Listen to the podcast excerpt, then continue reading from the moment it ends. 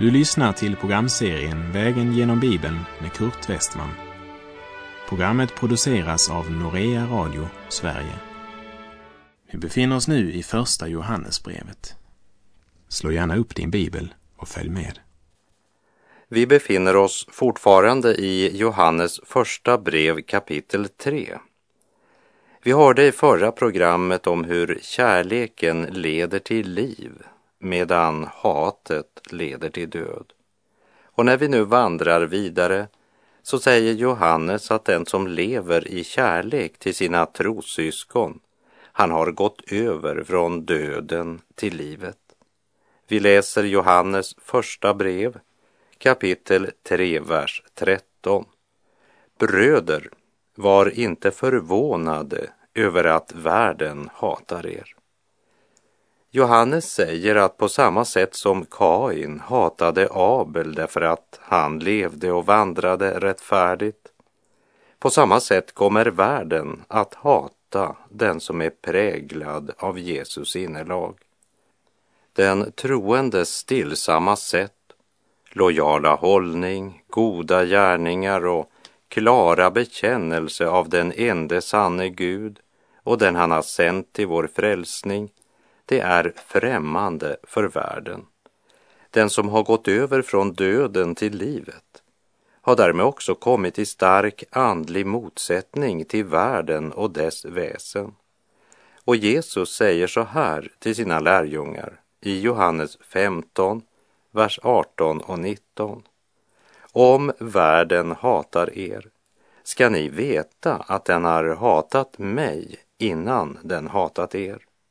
Om ni vore av världen skulle världen älska er som sina egna. Men ni är inte av världen, utan jag har utvalt er och tagit er ut ur världen. Därför hatar världen er. Och till sin medarbetare Timoteus skriver Paulus i Andra Timoteusbrevet 3, vers 12. Så kommer också alla som vill leva gudfruktigt i Kristus Jesus att förföljas. Den som endast bekänner Gud med munnen men inte lever ett liv i Guds fruktan och helgelse blir ju inte så hatad av världen.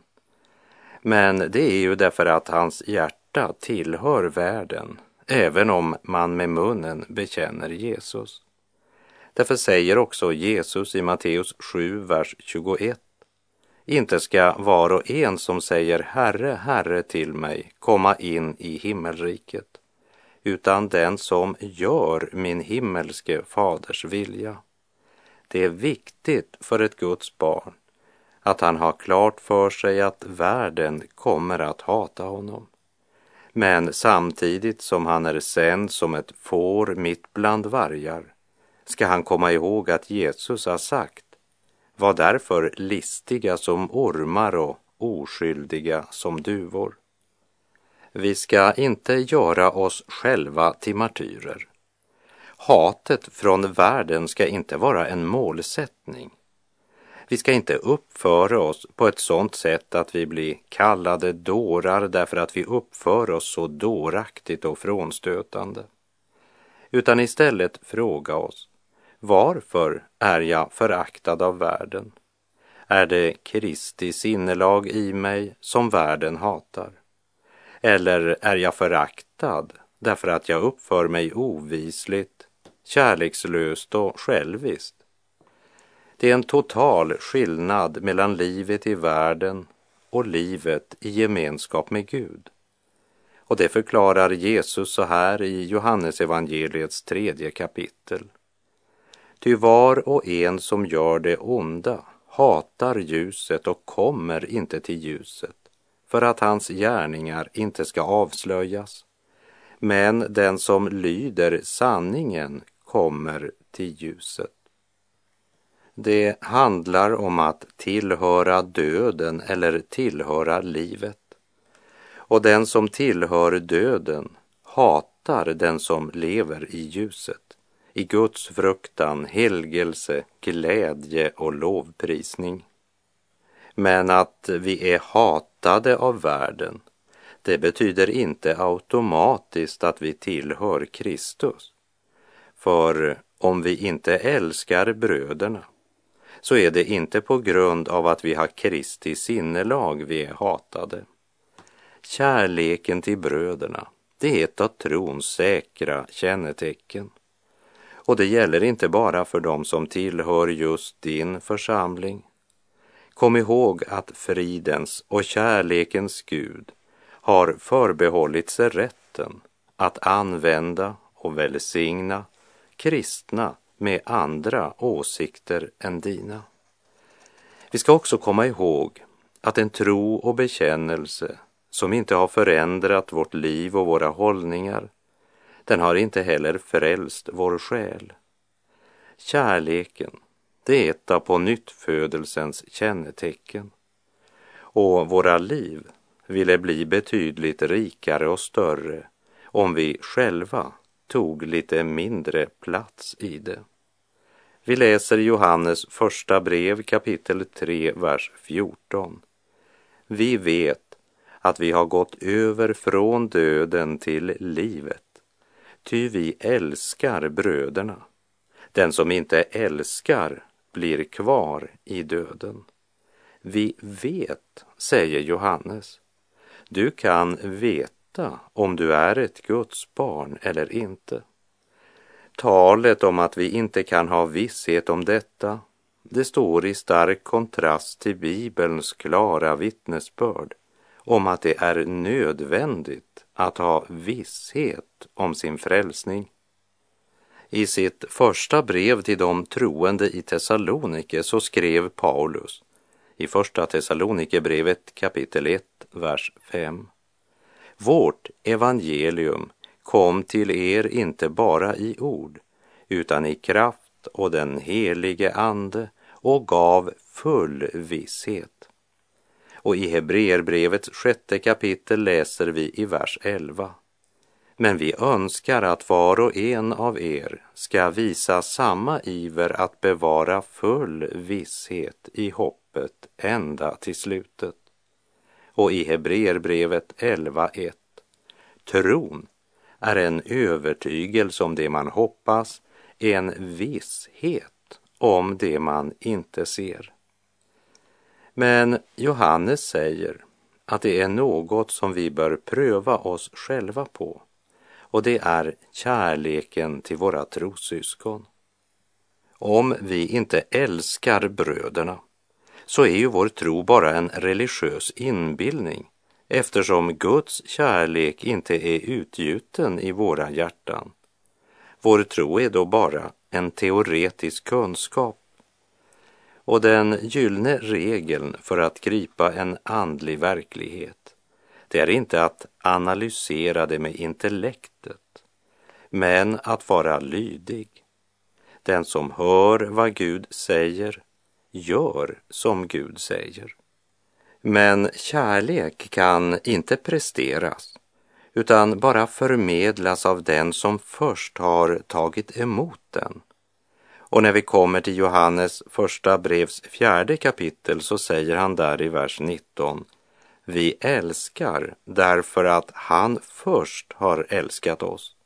Om någon säger att han älskar Gud och hatar sin broder så är han en lögnare. Ty den som inte älskar sin broder som han har sett kan inte älska Gud som han inte har sett. Det första, det är att Gud har älskat oss. Och när vi tar emot hans kärlek sker det något med oss. När Guds kärlek blir utgjuten i våra hjärtan genom den helige Ande som han har gett oss. Därför säger också Johannes, vi vet att vi har gått över från döden till livet, ty vi älskar bröderna. Den som inte älskar blir kvar i döden.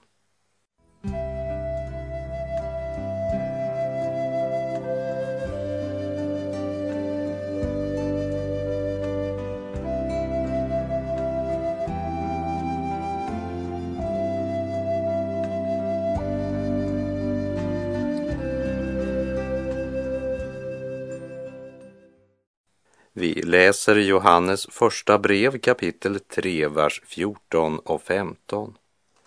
Vi vet att vi har gått över från döden till livet, ty vi älskar bröderna. Den som inte älskar blir kvar i döden.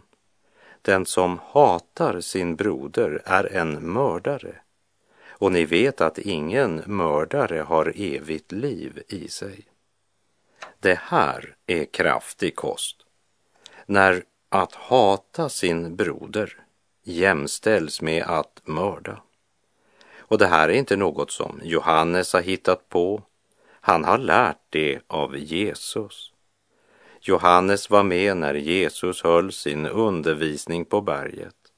Och här ska jag bara citera Matteus 5, vers 21 och 22. Ni har hört att det är sagt till fäderna, du ska inte mörda. Den som mördar är skyldig inför domstolen. Jag säger er, den som är vred på sin broder är skyldig inför domstolen. Och den som säger till sin broder, ditt dumhuvud, är skyldig inför Stora rådet. Och den som säger din dåre är skyldig att dömas till det brinnande Gehenna. Det är alltså Jesus som älskar oss så högt att han gav sitt eget liv till försoning för dina och mina synder, som säger det här. Om du har hat i ditt hjärta så är du en mördare. Likt andra synder så kan en kristen frestas också till denna synd och inte bara frestas men också falla. Bitterhet och hat kan komma in i den troendes hjärta. Men han kan inte fortsätta att leva i den situationen.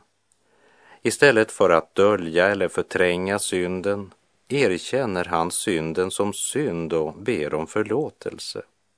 Bitterheten måste fram i ljuset, eljest slår den rot, växer och tar till sist överhand. Men i evangeliet ordet om Kristus finner vi inte bara förlåtelse men också förvandling. Och denna förvandling sker endast i ljuset av Kristi försoningsdöd och segerrika uppståndelse. Den som säger din dåre till en annan människa är skyldig att dömas till det brinnande Gehenna, säger Jesus. I Hebreerbrevet 12, vers 14 och 15 står det Sträva efter frid med alla och efter helgelse. Ty utan helgelse kommer ingen att se Herren. Se till att ingen går miste om Guds nåd och att ingen bitter rot skjuter skott och vållar skada och många smittas. Synden vare sig det är lögn, oärlighet, otukt, skryt, skvaller, kärlek till pengar, otacksamhet eller bitterhet, så har synden alltid en rot. Och likt alla andra plantor så skjuter roten skott. Så är det också med synden i våra liv. Och det farliga med roten det är att den är inte synlig. Skotten som skjuter upp är synliga, men inte roten. Både grenar, blad och frukt är synliga, men roten som det hela skjuter upp ifrån ser vi inte. Just därför är den så oerhört farlig, för den kan leva kvar även om vi kapar av grenarna och precis när vi kände oss som gladast över att grenarna med alla olika onda frukter nu kapats bort, så skjuter synden skott igen. Och så sker det att du som bekänt den synd som du ser och även fick uppleva att bli löst och få frid, märker till din förskräckelse att det snart växer fram nya grenar från syndens rot. Man brukar ibland tala om att gå till roten av det hela. Och det är djupast sett det den andliga kampen handlar om. Det gäller att hitta roten. Och då måste vi först inse att det är endast Herren som kan finna roten. Han vet var den sitter. Och endast ett gudomligt ingripande kan befria oss från roten. Det blir aldrig någon verklig seger i våra liv om inte Herren får gå till roten när det gäller våra synder. Men eh, det är en process som vår gamla natur gör starkt motstånd emot eftersom den inte vill böja sig för Guds vilja. Köttets sinne är fiendskap mot Gud. Det underordnar sig inte Guds lag och kan det inte heller. Det som följer sin syndiga natur kan inte behaga Gud. Ni däremot lever inte efter köttet utan efter anden eftersom Guds ande bor i er. Den som inte har Kristi ande tillhör inte honom, säger Paulus i Romarbrevets åttonde kapitel, verserna 7 till och med 9. Orden i Johannes första brev om att ingen mördare har evigt liv i sig säger inte att en mördare inte kan bli frälst. För Guds ord vittnar att om vi bekänner våra synder är han trofast och rättfärdig så att han förlåter oss våra synder och renar oss från all orättfärdighet. Så orden i Johannes första brevs tredje kapitel talar om en person som hatar och som vill fortsätta på den vägen utan att vilja vända om, utan bekännelse och därmed utan förlåtelse. Den som har en oförsonlig hållning kväver andens liv och det eviga livet kan inte förbli i honom. Johannes fokuserar på de två naturer den troende bär på. När du blev Guds barn dog inte din gamla natur. Därmed har du nu två naturer, en gammal och en ny.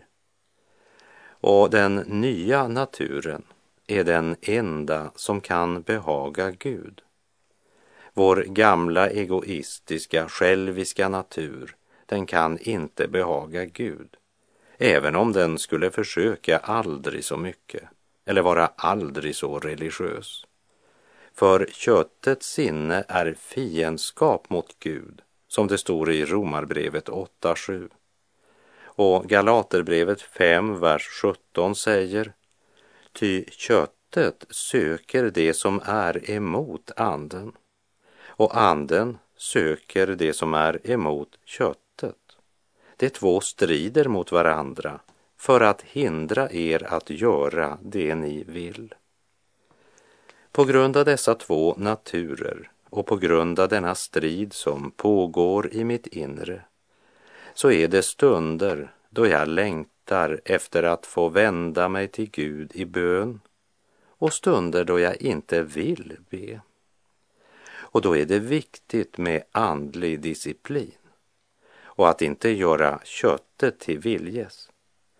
Utan när ondskan i mig och runt mig träder fram ska jag söka Mariaplatsen vid Jesu fötter. Mina vanor är antingen blylod som drar mig ner eller en flytväst som håller mig uppe. Om Daniels vanor står det så här i Daniels bok kapitel 6, vers 11. Där föll han tre gånger om dagen ned på sina knän och bad och tackade sin Gud som han förut hade brukat göra. Vad har du för vanor?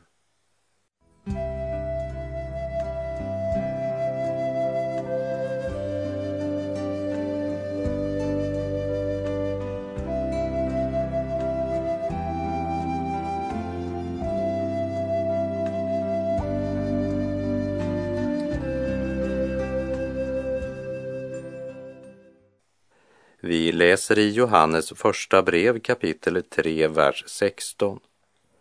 Genom att han gav sitt liv för oss har vi lärt känna kärleken. Så är också vi skyldiga att ge vårt liv för våra bröder.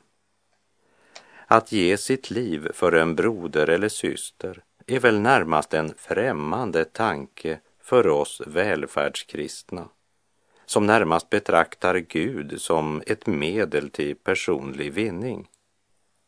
Vi sänder ut missionärer till olika delar av världen. Men om det blir krig och oroligheter så kallar vi hem missionärerna med begrundelsen att det är farligt där nu. Å ena sidan bekänner vi oss tro på Herren Jesus men det verkar som om vi själva väljer vad vi ska tro på i Guds ord. När vi ber, ber vi gärna för oss själva. Vi ber om välsignelse, beskydd, hälsa, krafter, ekonomi och liknande saker. Men att gå i förbön betyder att göra en insats för andra och att i vår bibelläsning inte bara stryka under ord om välsignelse utan även stryka under ord som Johannes första brev kapitel 3, vers 16. Jag samarbetade en tid med pastor Haikov Sepian Mer ifrån Iran.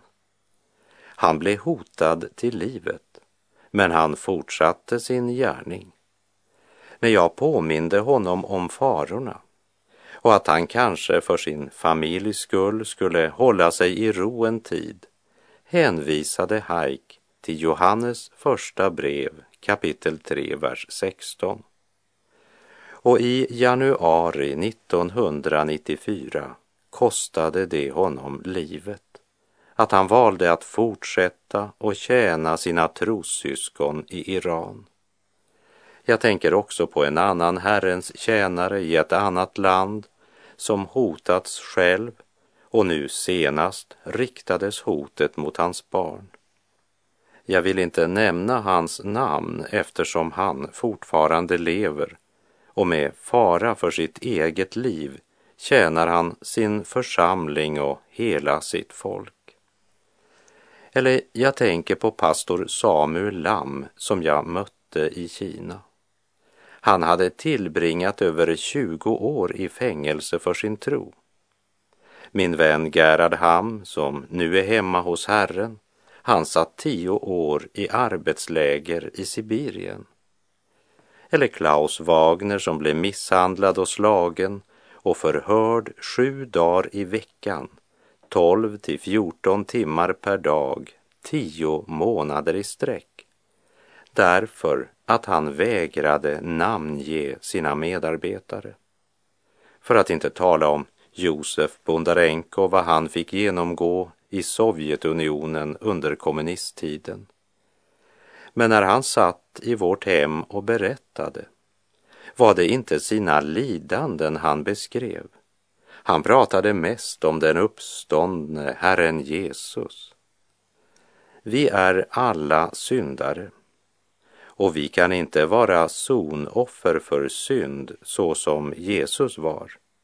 Men vi är kallade att dela hans lidande, det vill säga vara redo att ta konsekvensen av vårt lärjungaskap. Hör vad Paulus säger i Kolosserbrevets första kapitel, vers 24 och 25.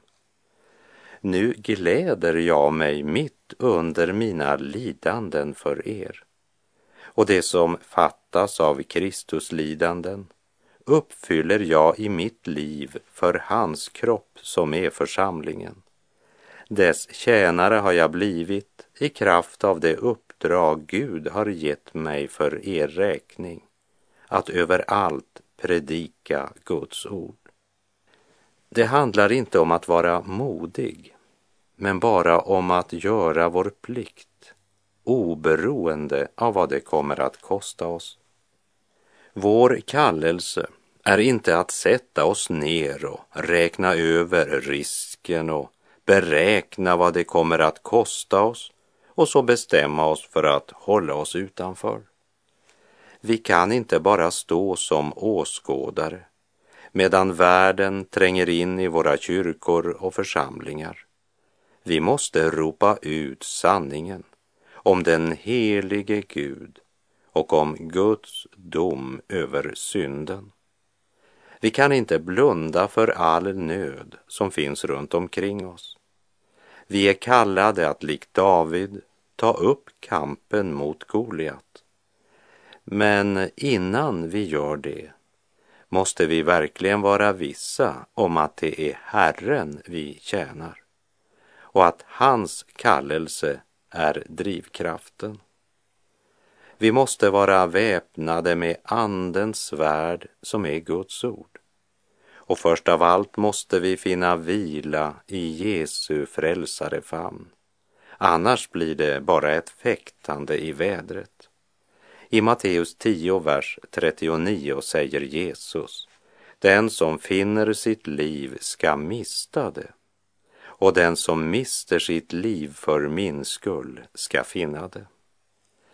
Låt oss aldrig glömma att kristendomens symbol är ett kors och korset står centralt. Det är placerat mitt i världen, mitt i tiden, mitt i evigheten.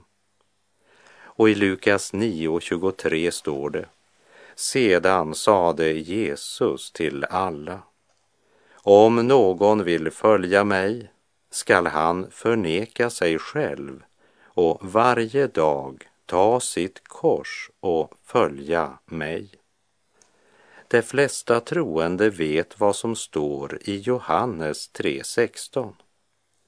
Kanske är det på tiden att vi också lär oss Johannes första brev 3.16 och att vi lär det utan till och lär oss att i vårt inre alltid meditera över de två verserna tillsammans. Ty så älskade Gud världen att han utgav sin enfödde son för att de som tror på honom inte ska gå förlorade utan ha evigt liv. Genom att han gav sitt liv för oss har vi lärt känna kärleken. Så är också vi skyldiga att ge vårt liv för våra bröder. Och med det så är vår tid ute för den här gången. Herren vare med dig. Må hans välsignelse vila över dig. Gud är god. Norea Radio Sverige understödjer radiomission i Indien. Här följer ett lyssnarbrev från Gujarat. Jag lyssnar till programmet på wasavi-språket, Jivana Kazana, varje lördag. Sångerna och vittnesbördet är en stor välsignelse för mig. Be för vår familj som har problem.